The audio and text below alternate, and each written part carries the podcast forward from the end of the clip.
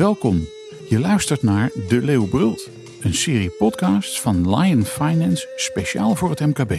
Over ondernemen, financiële dienstverlening en vooruitkijkspiegels. Ter inspiratie en om MKB-ondernemers verder te helpen op weg naar rust, resultaat en rendement.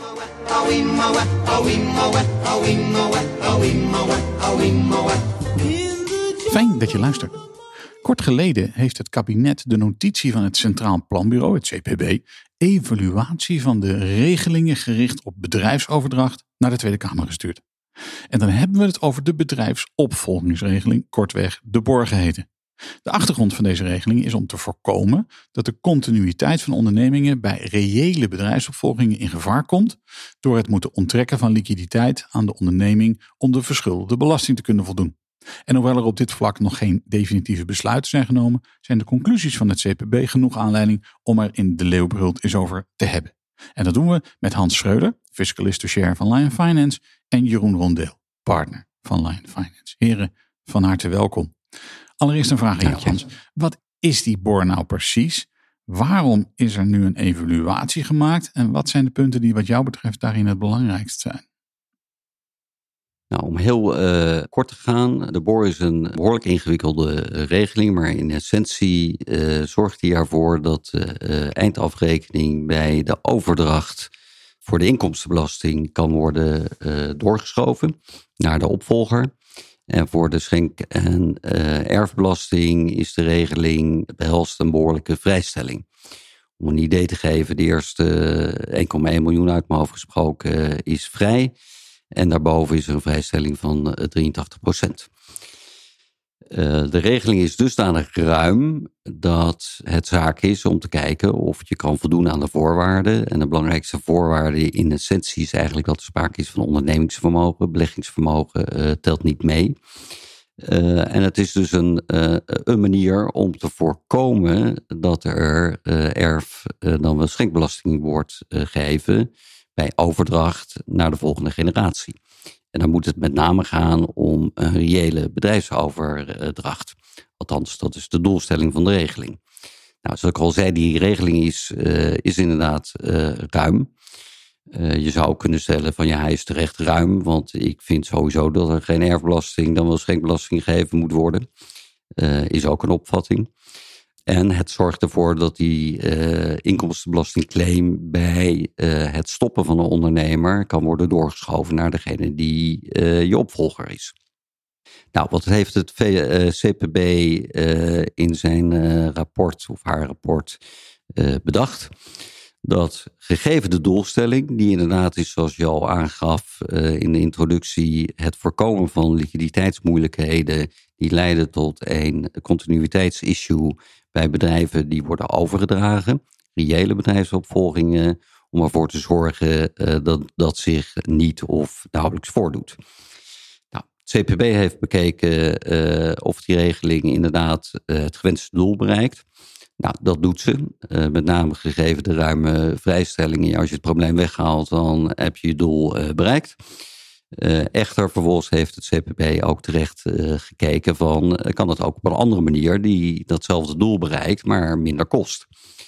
Nou, en naar het oordeel van het CPB, op basis van de gegevens die ze gebruikt hebben, dat zijn overigens geen gegevens van de laatste twee jaar, maar daarvoor, komt men tot de conclusie dat in, toch in een behoorlijk aantal gevallen een uitstelregeling, een betalingsregeling, ook zou leiden tot het doel uh, dat er geen bedrijven in continuïteitsproblemen komen. Nou, vervolgens zegt het CPB ook terecht dat de regeling buitengewoon ingewikkeld is. Dat heeft te maken met uh, het wetgevingsproces. En moet ik erbij zeggen, ik ben zelf ook adviseur, omdat adviseurs het een prachtige regeling vinden uh, die ruim geïnterpreteerd kan worden. En daar staat tegenover dat de Belastingdienst, ook gegeven uh, het wetgevingsproces, zich toch al snel op het standpunt stelt van ja, uh, dat kan weliswaar de bedoeling zijn, maar gegeven de tekst heb ik daar toch een ander idee over. Dus daar ontstaat een speelveld van krachten die ervoor zorgt dat de regeling ook in de praktijk buitengewoon ingewikkeld is. En dat geldt dan ook nog eens een keer met name bij het onderscheid ondernemingsvermogen, beleggingsvermogen. En een belangrijk punt is, wanneer is er nu in het kader van vastgoed sprake van een onderneming en wanneer ze sprake van beleggingsvermogen. Nou, dat alles bij elkaar uh, leidt tot de conclusie van het CPB, wat eigenlijk redelijk snel overgenomen is door het kabinet, dat die regeling bekeken moet worden. En ik ga ervan uit dat de regeling in ieder geval versoepel, uh, versoberd gaat worden. wellicht ook versoepeld, maar in ieder geval versoberd. En dat kan betekenen dat die vrijstellingen uh, teruggeschroefd gaan worden. Je kan denken aan dat eerste anderal 1,1 miljoen, dat brengen we terug. Je kan denken aan een uh, vrijstellingspercentage, niet van 83%, maar van een lager percentage. Maar het kan ook betekenen dat die vrijstelling vervalt en men kiest voor een betalingsregeling. Over een periode van bijvoorbeeld 10 jaar. We zo even op terug op die, in die elementen die wellicht gaan veranderen. Jeroen, als we nou eens hebben over die, want ik, ik hoor reële bedrijfsoverdracht hoor ik langskomen uh, en bedrijfsopvolging. Kun je eens uitleggen, wat, waar hebben we het dan over? Wat is het en hoe gaat dat in zijn werk? Ja, bedrijfsopvolging zou je kunnen zeggen eh, gaat over het eh, overdragen van de onderneming en het daarbij behorende vermogen naar de volgende generatie. Even ervan uitgaan dat dat binnen de familie is. Ja, hoe gaat dat in zijn werk?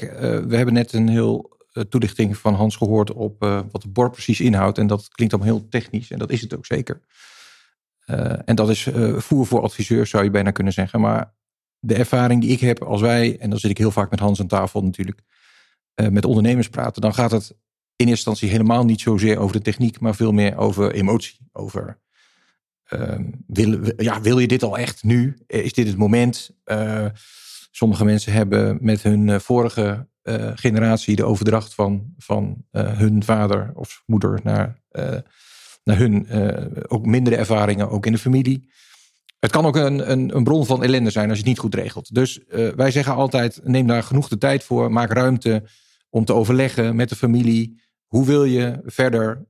Wil je, willen de kinderen een actieve of een passieve rol in de onderneming? Is er iemand die dan een stokje gaat overnemen?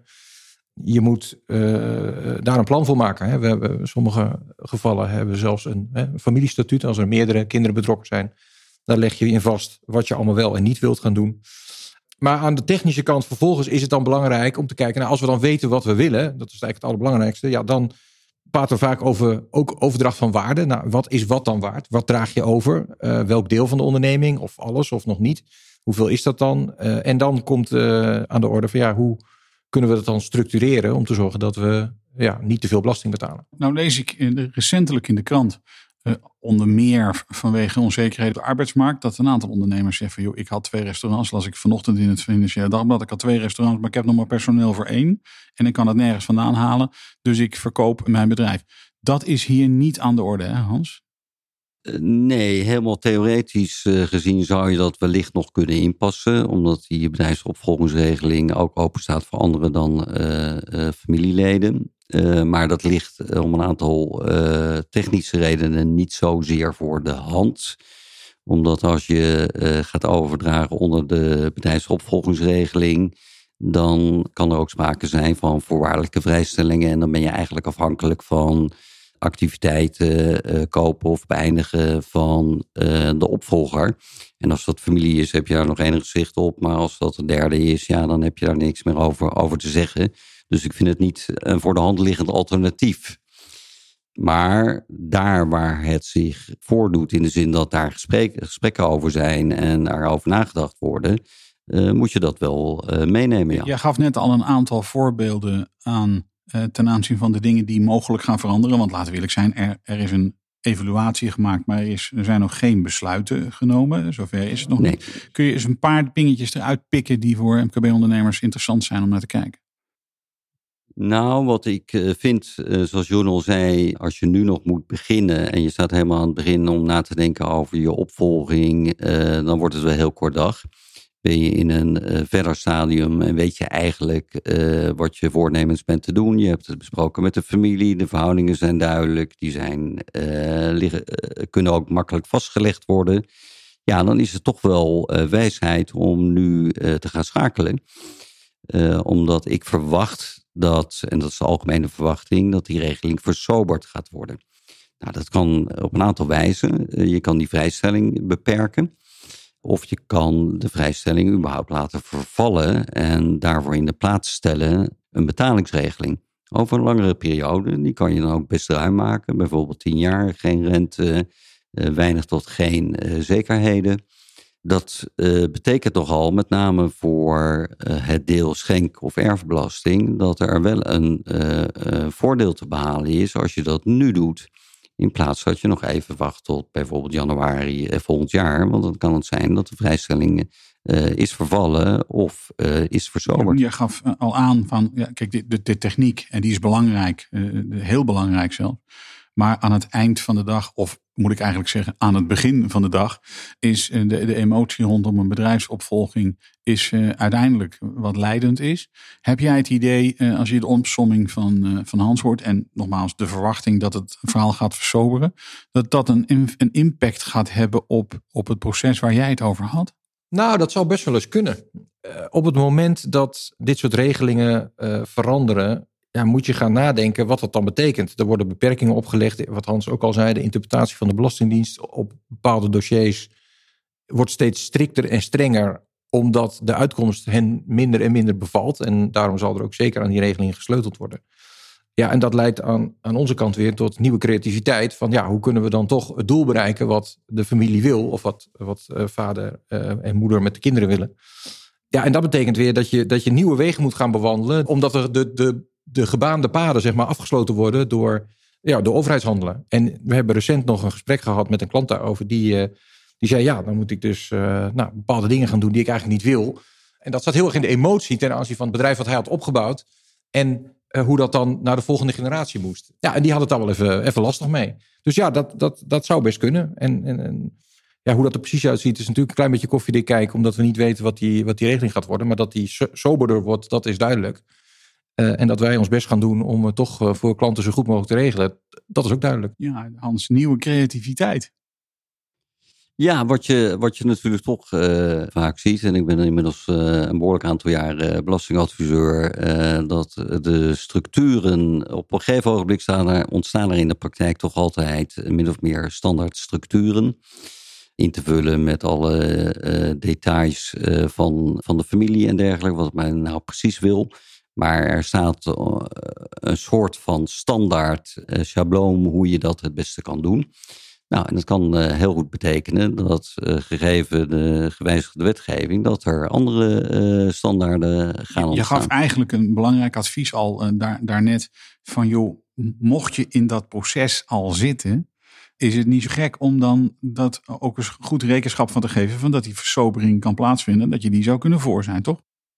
Ja, absoluut. Uh, de verwachting is, zoals ik al zei, dat er iets van een uh, gaat plaatsvinden. nou, dan kan het best zo zijn dat die verzomering pas op 1 januari 2023 ingaat. Dat ligt voor de hand om aan te nemen, gezien de systematiek van hoe we opereren in Nederland met nieuwe wetgeving. Ja, dat betekent dat je, als je dan eigenlijk al klaar bent met het vormen van het idee in het begin gemaakt hebt, met het daadwerkelijk implementeren, dan uh, geef ik het advies om uh, dat dan ook snel dat te gaan doen. Dat betekent uh, de werk aan de winkel, Jeroen. Ja, waarschijnlijk wel. Ik denk dat we voor onze cliënten, mm, gemiddeld genomen, denk ik, ligt ook altijd een beetje natuurlijk aan de leeftijd van de kinderen. Je kan ook beginnen als ze drie en vier zijn, want dat is wel te overdreven. Maar um, ja, ik denk dat wij voor de meeste ondernemers het wel goed op het vizier hebben. Maar wat Hans zegt, ja, na 31 uh, december kunnen de kaarten anders liggen. Dus uh, het is wel zaak om, uh, om nu het gesprek aan te gaan. En je adviseur op te zoeken, je accountant op te zoeken en dit te bespreken. En betekent overigens ook dat jullie natuurlijk de vinger aan de pols houden ten aanzien van de keuzes die gemaakt gaan worden. Dus ik kan me maar zo voorstellen dat we zodra daartoe aanleiding voor is en die keuze gemaakt zijn, dat we weer eens terugkomen met een nieuwe aflevering in, in de bor, zal ik maar zeggen.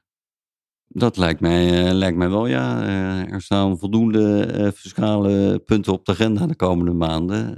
dus dat moeten we Dan zeker doen. spreken we dat bij deze af, Hans Jeroen. Ik dank jullie zeer voor deze De Leeuwbeeld. Graag gedaan. Graag gedaan. Dit was hem weer voor vandaag. Namens Hans Schreuder en Jeroen Rondeel, bedankt voor het luisteren. Mijn naam is Koos Woltjes en tot een volgende keer.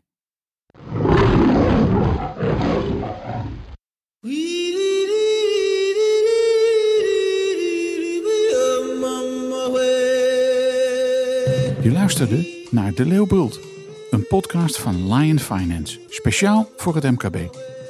Wil je de hele serie beluisteren? Kijk dan op de website van Lion Finance of abonneer je via Spotify, Apple Podcast of Google Podcast. Binnenkort is er weer een aflevering. Tot dan!